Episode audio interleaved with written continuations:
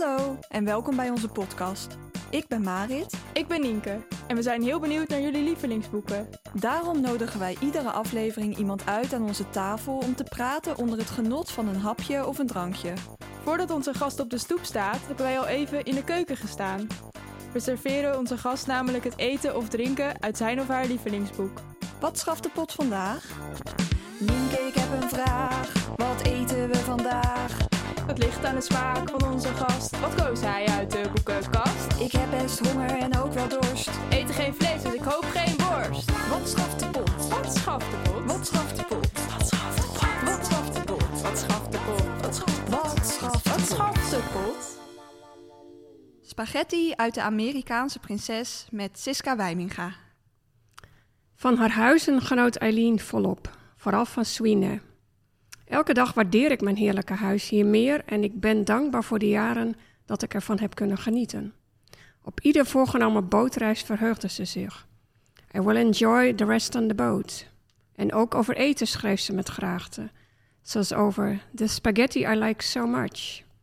Wat betreft haar gezondheid had, ze, op wat reumatische klachten na, weinig te klagen en was ze in de woorden van een bewonderaar in Newport altijd a very vibrant woman. Een hele levendige vrouw. Het fragment dat net werd voorgelezen door Siska Wijminga is afkomstig uit De Amerikaanse Prinses, een boek van Anniet van der Zijl dat verscheen in 2015. Het boek is literaire non-fictie, het genre waar Anniet van der Zijl heel erg bedreven in is en ook alom om geprezen wordt. Uh, de Amerikaanse prinses vertelt het verhaal van de in 1872 geboren Eileen en een vrouw uh, die in New York is geboren en behoort tot de upper class uh, van Amerika.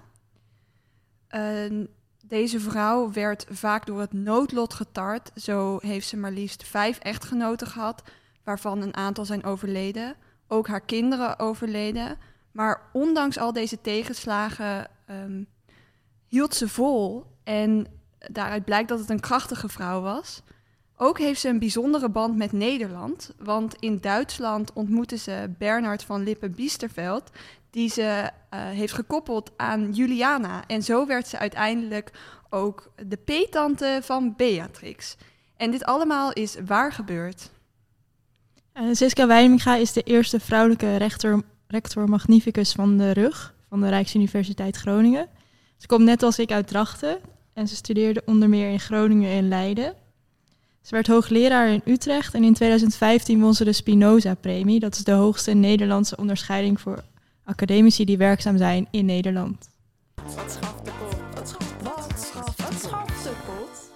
Nou, heel erg leuk dat wij hier op bezoek mogen komen uh, in het appartement waar we over de hele stad kunnen uitkijken. En hoe is het nou om rector te zijn in tijden van een pandemie? Ja, dat is heel bijzonder natuurlijk. Dat had ik ook niet kunnen bedenken toen ik uh, rector we werd. En zes maanden later was het natuurlijk zover. Dus ik weet bijna al niet meer hoe mijn baan was voor uh, corona.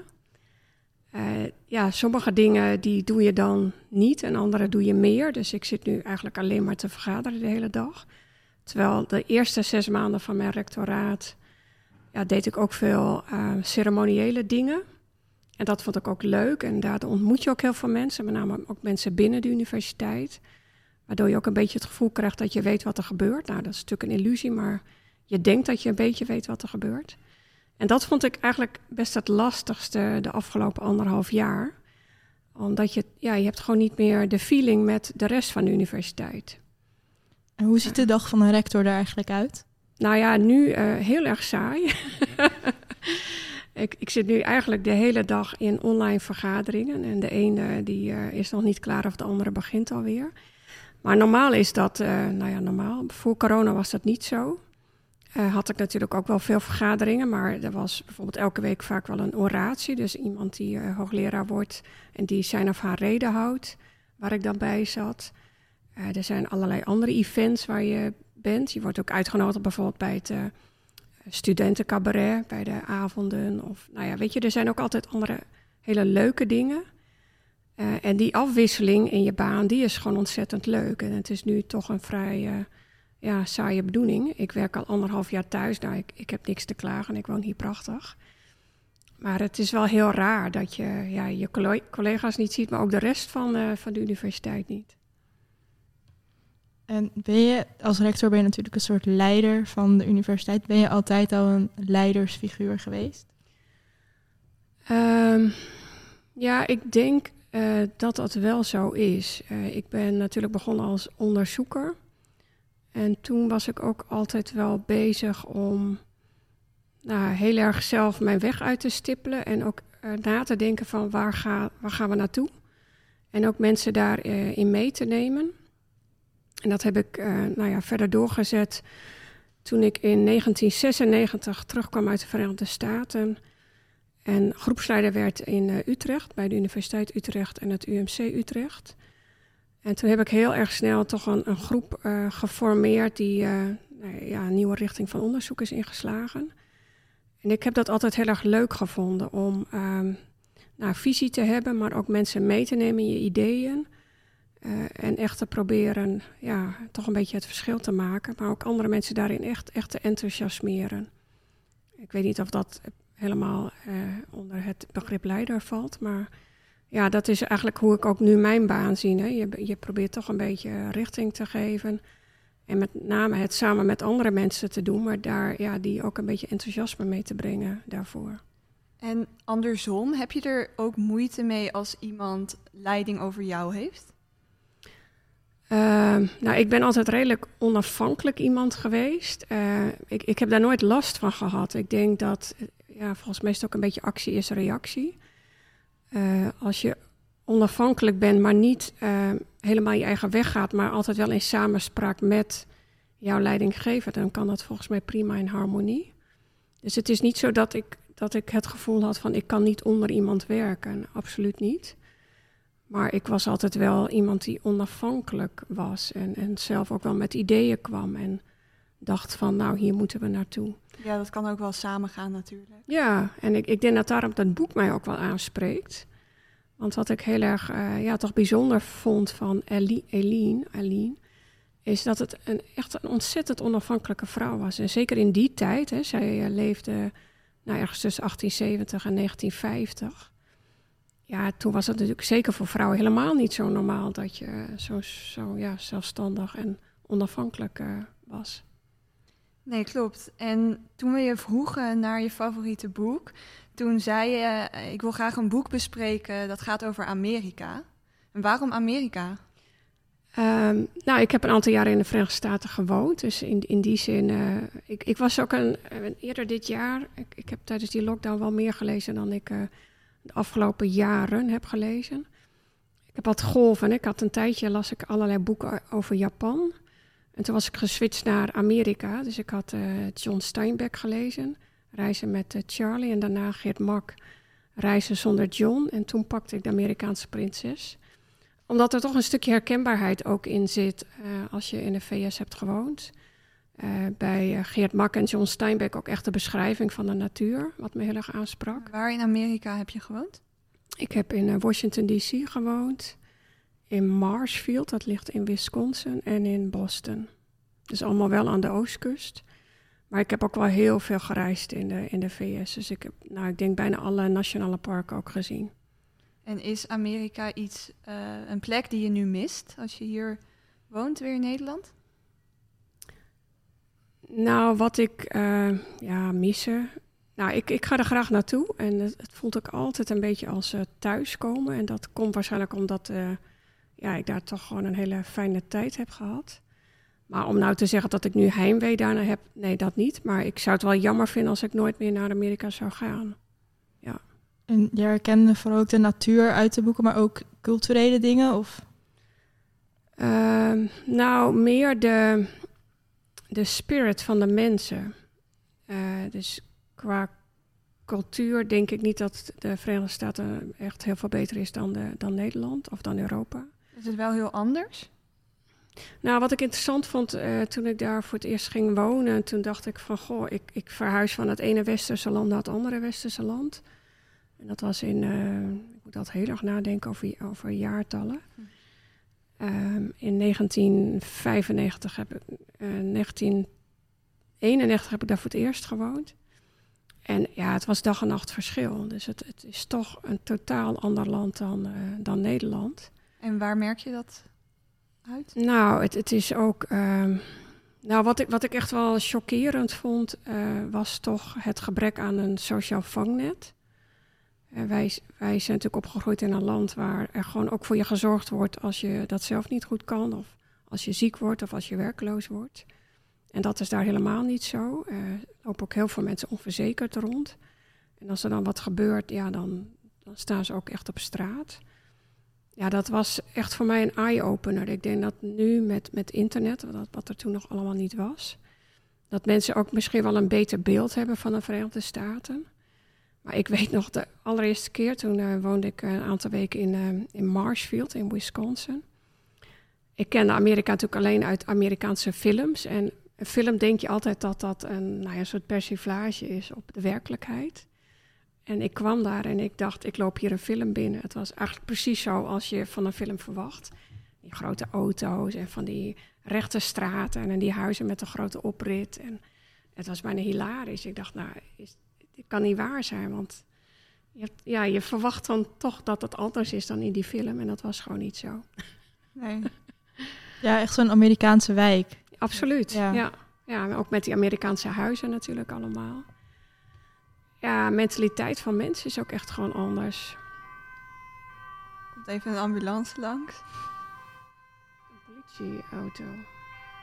Ja, dat heb je als je in de binnenstad woont. Ja, Dat is ook wel Amerikaans hoor. Nou, hoor je ook de hele dag... eh, de geluiden van de stad. nou, en van, van echte fire, fire trucks en eh, eh, politieauto's en eh, rescue squads en dat soort dingen. Ja. Maar je hebt dus in Amerika gewoond. Zijn er nog andere plekken op de wereld, eh, behalve Nederland, waar je ook hebt gewoond? Nee, ik heb, eh, eh, ik, ik heb wel werkbezoeken gebracht aan andere landen, maar ik heb er nooit echt gewoond. En ook niet de behoefte aan gehad om nog te emigreren naar een ander land? nou, niet. Ik, ik, ik, ik merk wel dat doordat ik in de VS heb gewoond, dat ik Nederland wel ontzettend veel meer ben gaan waarderen. Dus ik vind Nederland echt een fantastisch land om te wonen. Maar ik vind het wel leuk om andere landen en culturen te leren kennen. Dus dat, dat vind ik het leuke van een tijdje in het buitenland vertoeven. Maar dat hoeft niet per se te zijn dat je daar woont. Maar het is wel zo, als je langere tijd ergens woont, dan ga je natuurlijk pas echt leren hoe zo'n land is. En puur op vakantie gaan krijg je dat toch niet helemaal mee. Wat Ja. is het eigenlijk dat je dan, doordat je in Amerika hebt gewoond, bent gaan waarderen van Nederland? Nou ja, toch dat, de, dat, dat sociale vangnet wat we hier met elkaar hebben. Ik denk dat dat wel heel erg belangrijk is. Ook het feit dat, ja, iedereen klaagt altijd dat we veel belasting betalen. Maar het betekent ook dat we scholen hebben die voor iedereen toegankelijk zijn. Hè, die, die gewoon ook relatief goedkoop zijn. Dat we wegen hebben die in goede staat zijn. Als je dat soms daar ziet, al die wegen die vol met potholes eh, zijn. Eh, ja, ook zo'n stad is natuurlijk gewoon ja, netjes onderhouden. Het, het is allemaal, ja, het ziet er allemaal netjes en proper uit. En dat is in de Verenigde Staten heb je gewoon hele steden. Nou, dat is echt een soort derde wereldland bijna. En Al- Eileen krijgt behoorlijk wat tegenslagen. Ze verliest haar kinderen, vijf echtgenoten. En ze wordt daarbij twee keer opgezadeld met een schuld van meer dan een miljoen. Maar ze gaat steeds door onder het motto Courage all the time. En ben jij ook iemand die de draad dan makkelijk weer oppakt na een tegenslag? Of ehm, die daar wat langer in blijft hangen? Nee, ik denk dat ik wel eh, de draad... Nou ja, makkelijk is een, is een beetje een gek woord in deze. Maar mijn, mijn partner is overleden bijna vijf jaar geleden. En dat is natuurlijk ook een behoorlijke nou ja, live event. Ehm, en, en dat was natuurlijk best heel moeilijk, maar ik heb daarna wel weer de draad opgepakt. Dus in die zin herken ik ook wel dingen in Eileen. Maar wat ik ja, in haar ja, toch echt bewonder, weet je, de, de tegenslagen bleven maar komen. En het was ook niet zo dat al die echtgenoten nou de beste waren die ze had kunnen krijgen. Eén was een alcoholist en Gokverslaafd. gokverslaafd. En eentje die was waarschijnlijk homo, maar dat bestond natuurlijk toen eigenlijk niet. Dus zij had ook ja, echt een, een bizarre reeks van, eh, van echtgenoten. En ook haar kinderen. Eentje die overleed al vrij jong, maar die andere twee die overleden nou volgens mij ongeveer in dezelfde week. Een als vlieger in de Eerste Wereldoorlog uh, werd neergeschoten boven Frankrijk, als ik me goed herinner. En uh, haar dochter overleed aan Spaanse griep. Ja, en dat, dat was ook wel weer. Uh, ik las dat boek natuurlijk in de coronapandemie. Ja, dat je ook dan ook weer beseft wat ook in deze tijd natuurlijk allemaal gebeurd is. En met al die mensen die toch ja, familieleden en geliefden verloren zijn door zo'n naar virus. Ja, ik dacht ook toen ik het las je kunt zoiets van als de Spaanse griep in een boek nu nooit meer hetzelfde lezen als voor corona. Klopt. Ja. En daardoor merk je wel heel erg dat je leeservaring ook wordt gekleurd door de situatie waarin je zelf zit. En, wat je hebt meegemaakt. Ja. En denk je ook dat het daardoor is dat je het nu in coronatijd las, dat het boekje ook nog meer aangreep? Uh, nou, ik denk dat het meer is wat je zegt, hè? dat je dingen anders, uh, de context is opeens voor jou anders. Dus je, ja, je interpreteert dat anders en je kijkt er met andere ogen naar. Het is, natuurlijk kende ik de Spaanse griep en ik wist ook dat in de Spaanse griep ontzettend veel mensen overleden waren. En ik had altijd daar toch een beeld van, uh, dat was in die tijd omdat onze gezondheidszorg gewoon niet zo goed was. Nou, dat was natuurlijk ook zo, maar we zien nu ook in deze coronapandemie dat er ontzettend veel mensen overleden zijn in een tijd dat onze gezondheidszorg wel goed is. Dus zo'n virus, ja, die maakt gewoon slachtoffers, uh, ongeacht in wat voor tijd je gewoon leeft. Dus uh, ja, dat, dat vond ik wel uh, in die zin ook, ook, ook boeiend, omdat ik het inderdaad met andere ogen naar keek. Ja, misschien is er ook wel een soort idee heerste er voor corona dat de mens uh, alles in de hand had. Maakbaar, ja, ja. de maakbare samenleving. En dat dat uh, nu toch echt anders blijkt te zijn dan, uh, ja. dan we dachten. Ja. ja, en ik denk dat in die zin is het. ja, ik denk dat het ook wel goed is dat mensen zich dat weer realiseren. Dat, dat de natuur altijd krachtiger is dan, dan wij. Alles is niet zo maakbaar. En ik denk mensen die in delen van de wereld wonen waar ofwel natuurrampen zitten of nou ja, veel oorlogen woeden. Die weten dat natuurlijk, hè, dat de wereld niet zo maakbaar is. Maar wij in het toch relatieve zeven tegenwoordig uh, westen van, uh, van de wereld, ja, denken toch dat we het naar onze hand kunnen zetten. En dat blijkt toch, uh, ja, één zo'n virus, het is natuurlijk onbegrijpelijk dat hij de hele wereld heeft platgelegd. Ik, ik vind dat nog steeds ja, bijna fascinerend. Hè? Ik bedoel, het is, het is heel erg, maar ook bijna on, onvoorstelbaar dat zo'n virus echt iedereen raakt. Ja, arm en rijk. En... Ja, en, maar ook ja. tegelijkertijd hè, dat bijna de hele wereld gewoon tot stilstand komt. Ik denk niet, nou, dat hoop ik in ieder geval, dat wij dat ooit in ons leven weer meemaken. Dat dat kan gebeuren. Maar had je wel door wat je zegt stilstand, dat dat ook wel een moment is waardoor je uh, heel erg um, gaat nadenken over jezelf en over je leven. Is, uh, heeft het je ook iets positiefs gebracht? Of zie jij de coronacrisis alleen maar als iets slechts? Oh nee, ik zie dat helemaal niet als iets slechts. Uh, kijk, ik vond het saai. Dat, ik denk dat dat voor heel veel mensen geldt. Maar ik vond het ook wel nou, ik, waardeerde ook wel dat, er, dat, dat je wat meer rust in je leven kreeg. Ik, ik vond ook wel dat wij wel in een hele jachtige wereld met elkaar leven. En dat doen we voor een deel gewoon zelf. Hè. Niemand vertelt ons dat we continu iets moeten, ergens naartoe moeten, met elkaar bezig moeten zijn. Um, en ik vond het eigenlijk helemaal niet erg dat ik een tijdje gewoon elk weekend gewoon lekker rustig kon doen waar ik zelf zin in had. Ja, ik denk niet dat iemand je dat expliciet vertelt, maar impliciet wel een beetje, toch? Hoe bedoel je? Van mensen om je heen die dan heel veel dingen doen, dat je dan ook het gevoel hebt dat je dat zelf moet doen? Nee, dat, dat heb ik niet zozeer. Maar uh, ik, ik, vind, ik vond wel dat we in een hele. Ja, hoe moet ik dat? Echt in een soort jachtige maatschappij. Een, soort. Het draait maar door en het. Het stopt nooit. Het is bijna zo 24-7 gaan we door. Uh, en, en dat is ook omdat we ja, het is niet zo dat ik gekke dingen deed met uitgaan, maar ook in je werk, weet je, het, het, het hield gewoon nooit op. En dat was nu ook wel heel druk, maar uh, toch anders. Dus je had ook gewoon wel die momenten van rust. En zeker in dat begin, hè, toen alles nou ja, gewoon echt tot stilstand kwam, had ik gewoon weekenden nou ja, echt voor mezelf. En dat vond ik eigenlijk wel heel prettig. Dus ik ben heel veel gaan wandelen, en, uh, nou, veel meer gaan lezen. En ik merk nu al, en nu de boel weer wat meer open gaat, dat, dat het ook wel weer direct. Nou, al mijn avonden zitten bijna weer vol. Is het ook iets wat je misschien eng vindt als alles weer zo zou zijn zoals het voor corona was qua drukte?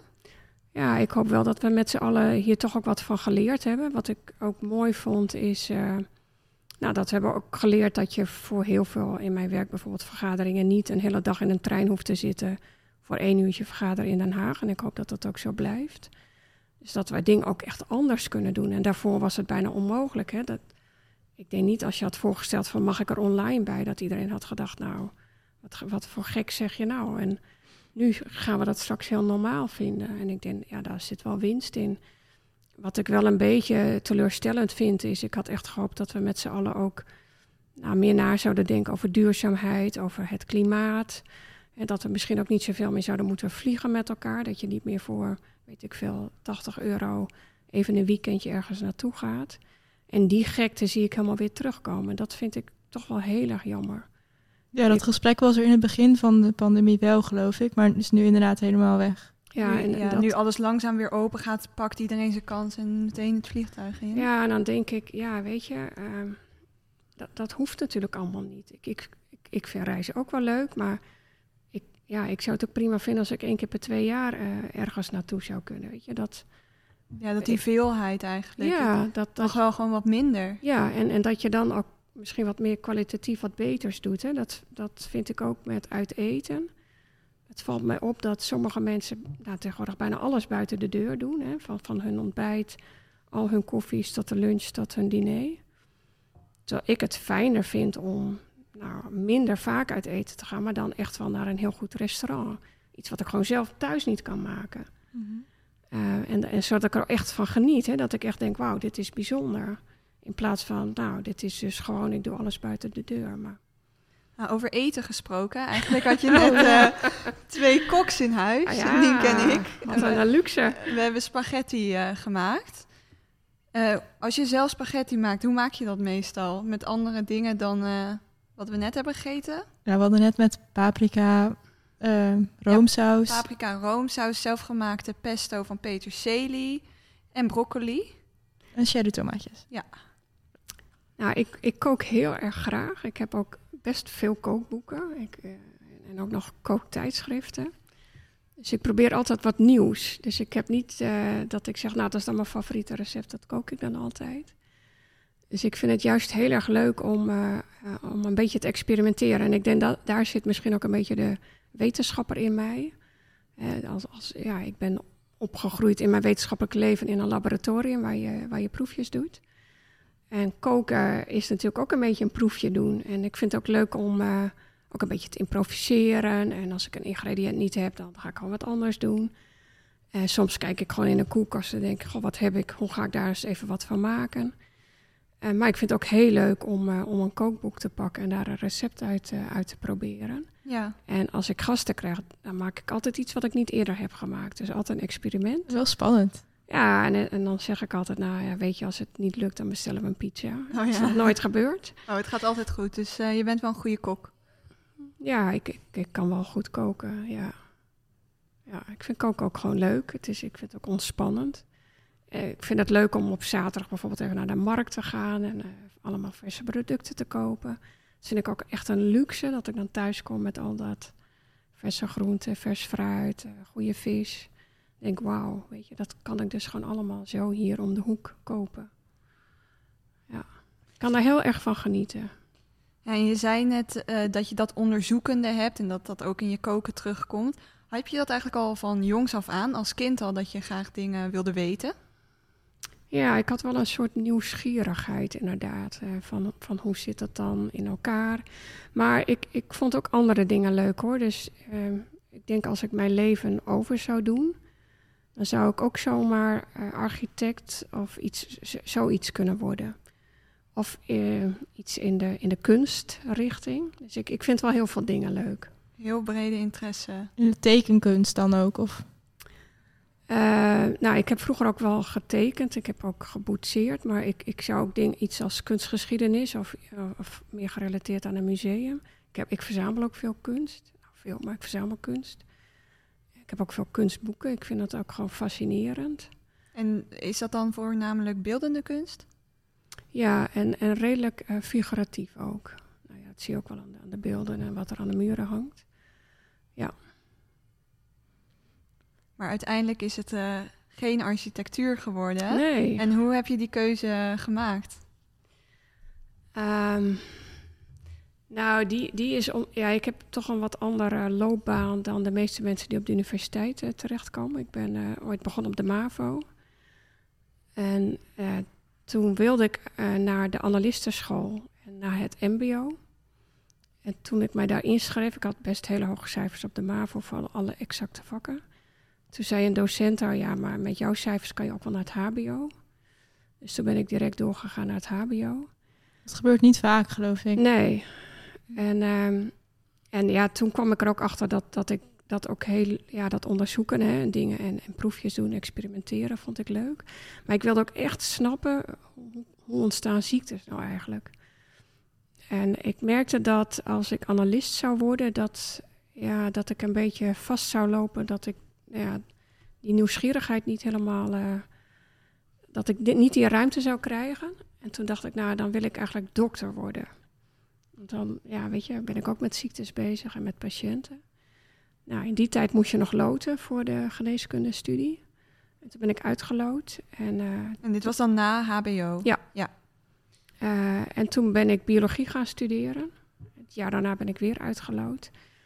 Eh, en naarmate ik vorderde in mijn biologiestudie kwam ik erachter dat het eigenlijk veel beter bij mij past. Omdat ik niet zozeer die patiënt wilde behandelen direct, maar ik wilde meer snappen ja, hoe ontstaan ziektes nou. Hè? Hoe kan een beetje dat nou? andersom. Ja. Hoe kan je een ziekte verwijderen? Ja, maar hoe kan het Versus nou dat iemand het- ziek ja. wordt? Hè? Wat, wat zit er nou achter? Echt, echt in detail. En ik ben uiteindelijk ook de genetica ingegaan. Dus echt op DNA-niveau. Wat gaat er nou mis? Waardoor mensen uiteindelijk, zelfs soms heel erg laat in hun leven, ziek worden voor een foutje waar ze mee geboren worden. Dus dat vond ik echt fascinerend. Dus ja, daar heb ik uiteindelijk mijn carrière op gebouwd. Eileen is een soort schoolvoorbeeld van de Am- American Dream. Absoluut. En ze groeide op als een soort eh plattelandsmeisje in een blokhut en ontwikkelde zich tot een soort Amerikaanse prinses. Of eigenlijk tot de Amerikaanse prinses. Geloof jij ook in zo'n American Dream dan? Nou, wat je nu leest, als je over de Verenigde Staten leest, is dat, dat dit in het verleden dus echt wel kon. Hè, dat je echt helemaal op kon werken en dat dat tegenwoordig toch echt moeilijker is. Eh, dus ik denk echt wel dat er voorbeelden zijn dat, dat mensen ja, weet je, van, eh, van een dubbeltje word je nooit een kwartje, maar dat kon daar dus echt wel. Ja, het is echt fascinerend hè, als je ziet dat zij een van de, rijk, nou, de rijkste vrouw van New York City eh, werd. En, en uiteindelijk ook echt een, een goede zakenvrouw. Terwijl ze nooit eh, gestudeerd heeft verder. Dus, dus het is allemaal, ja, ze heeft het haarzelf aangeleerd. En, en heeft blijkbaar ook altijd wel ja, mensen om haar heen gehad die haar daarin konden ja, helpen, waar ze van geleerd heeft. Ja, ik, ik vind dat wel fascinerend. En, en ook, zij had ook echt lef, hè, want op, ja, ze, ze is ook inderdaad door de beurskracht is alles kwijtgeraakt op een bepaald moment. En dan ja, gaat ze toch weer beginnen. Eh, ja, ik, ik vind het echt prachtig. Ik denk, ja, het is echt wel een powervrouw, zoals je dat... eh, Ja. en ook ja, dat ze dan huizen koopt in Parijs. En, eh, en in die tijd ook in haar eentje naar Europa reist. Nou, met de boot natuurlijk. Toen had je nog, nog niet dat je kon vliegen. Ja, ze deed dat allemaal toch maar. Ja, dat is een hele inspirerende Ja, vrouw. Ik denk ook dat dat eh, is wat kunst en literatuur eh, zo mooi maakt dat het de lezer of de luisteraar, de kijker, wat het maar is, zo kan inspireren. Ja. Tot slot eh, vraag ik me eigenlijk nog af of jouw waardering voor kunst en literatuur tijdens de coronapandemie ook is veranderd. Of je het meer bent gaan waarderen. Nou, meer waarderen weet ik niet. Ik heb het wel enorm gemist. Dus ik, ik vind het zelf altijd heel fijn om naar eh, musea te gaan, naar, kunstgal naar kunstmarkten ook, naar de, de bijvoorbeeld, of die eh, Amsterdam Art Fair. Heeft u ook een favoriet museum? Oh, ik, nee, ik, ik vind ehm, heel veel musea leuk. Het hangt natuurlijk ook een beetje van de tentoonstelling af. Ik, ik vind het altijd fantastisch om naar... Ik ga ook in het buitenland altijd naar musea. Ik, ik vind het ook altijd heel rustgevend. Eh, en ik, ik word er ook altijd door geïnspireerd. Ik eh, denk, wauw, wat een creativiteit. Eh, Dus ik hou ook wel van moderne kunst. ehm, en, soms snap ik het helemaal niet. En dat vind ik ook boeiend. Dan denk ik, ja, wat heeft zo'n kunstenaar hier nou mee bedoeld? Ja, ik, ik, ja, ik vind het altijd echt mooi. En, en dat heb ik enorm gemist. En ik hou ook erg van theater. Dus dat hele culturele, dat viel natuurlijk ontzettend weg. Ja, dus echt naar plekken toe gaan waar Ja. kunst tentoon wordt gesteld. Ja, dus Noorderzon hier in Groningen vind ik ook echt ja, fantastisch. Ook omdat dat, ja, dat experimentele zit erin. Hè. En, en ik word bijna altijd positief verrast. Ik denk dat je er ook gewoon open voor moet staan. Hè. Dat, je, eh, dat je echt denkt, ja, weet je, dit is gewoon leuk. En eh, soms denk ik wel eens van, oh, dit vind ik echt moeilijk. Ik snap het niet zo goed. Maar dan nog kom ik altijd met een positief gevoel uit. Dus eh, ja, dat heb, ik, dat heb ik echt gemist in die coronapandemie. Dus ik wil wel meer gaan lezen. En dan ja, met, met een goed boek, dan, ja, daar ga je ook een voorstelling van maken. Dus daarom vind ik dit soort boeken ook, ook mooi. Die, die toch wel eh, non-fictie zijn, maar waar je zelf al een soort voorstelling van kan maken. Maar het bezoeken van eh, nou ja, schouwburgen, theaters, eh, musea heb ik, heb ik enorm gemist. Dus in die zin ehm, besef je dan weer ja, hoe, hoe in ieder geval ik, hoe belangrijk dat in mijn leven is. Ja, je beseft dat eh, wanneer het er niet meer is. Ja. ja, anders neem je dat voor granted. Hè? Dat is, ja, weet je, waar je ook komt, kan je... Ja, ik, ik heb mijn hele leven ook een museumjaarkaart, dus, dus je loopt gewoon even naar binnen. En als het niet leuk is, nou, dan loop je weer naar buiten. ja. Maar eh, ja, we hebben in Nederland natuurlijk prachtige musea. Echt fantastisch. Nou, laten we hopen dat de museumjaarkaart snel weer in gebruik eh, kan worden genomen. Bedankt voor het gesprek. Graag gedaan. Ik vond het heel erg leuk. En jullie ook bedankt voor eh, het lekkere koken. Graag Ja. gedaan. Lekker. Wat een verwenderij was dat. Bedankt voor het luisteren naar deze aflevering van Wat de Potschaft.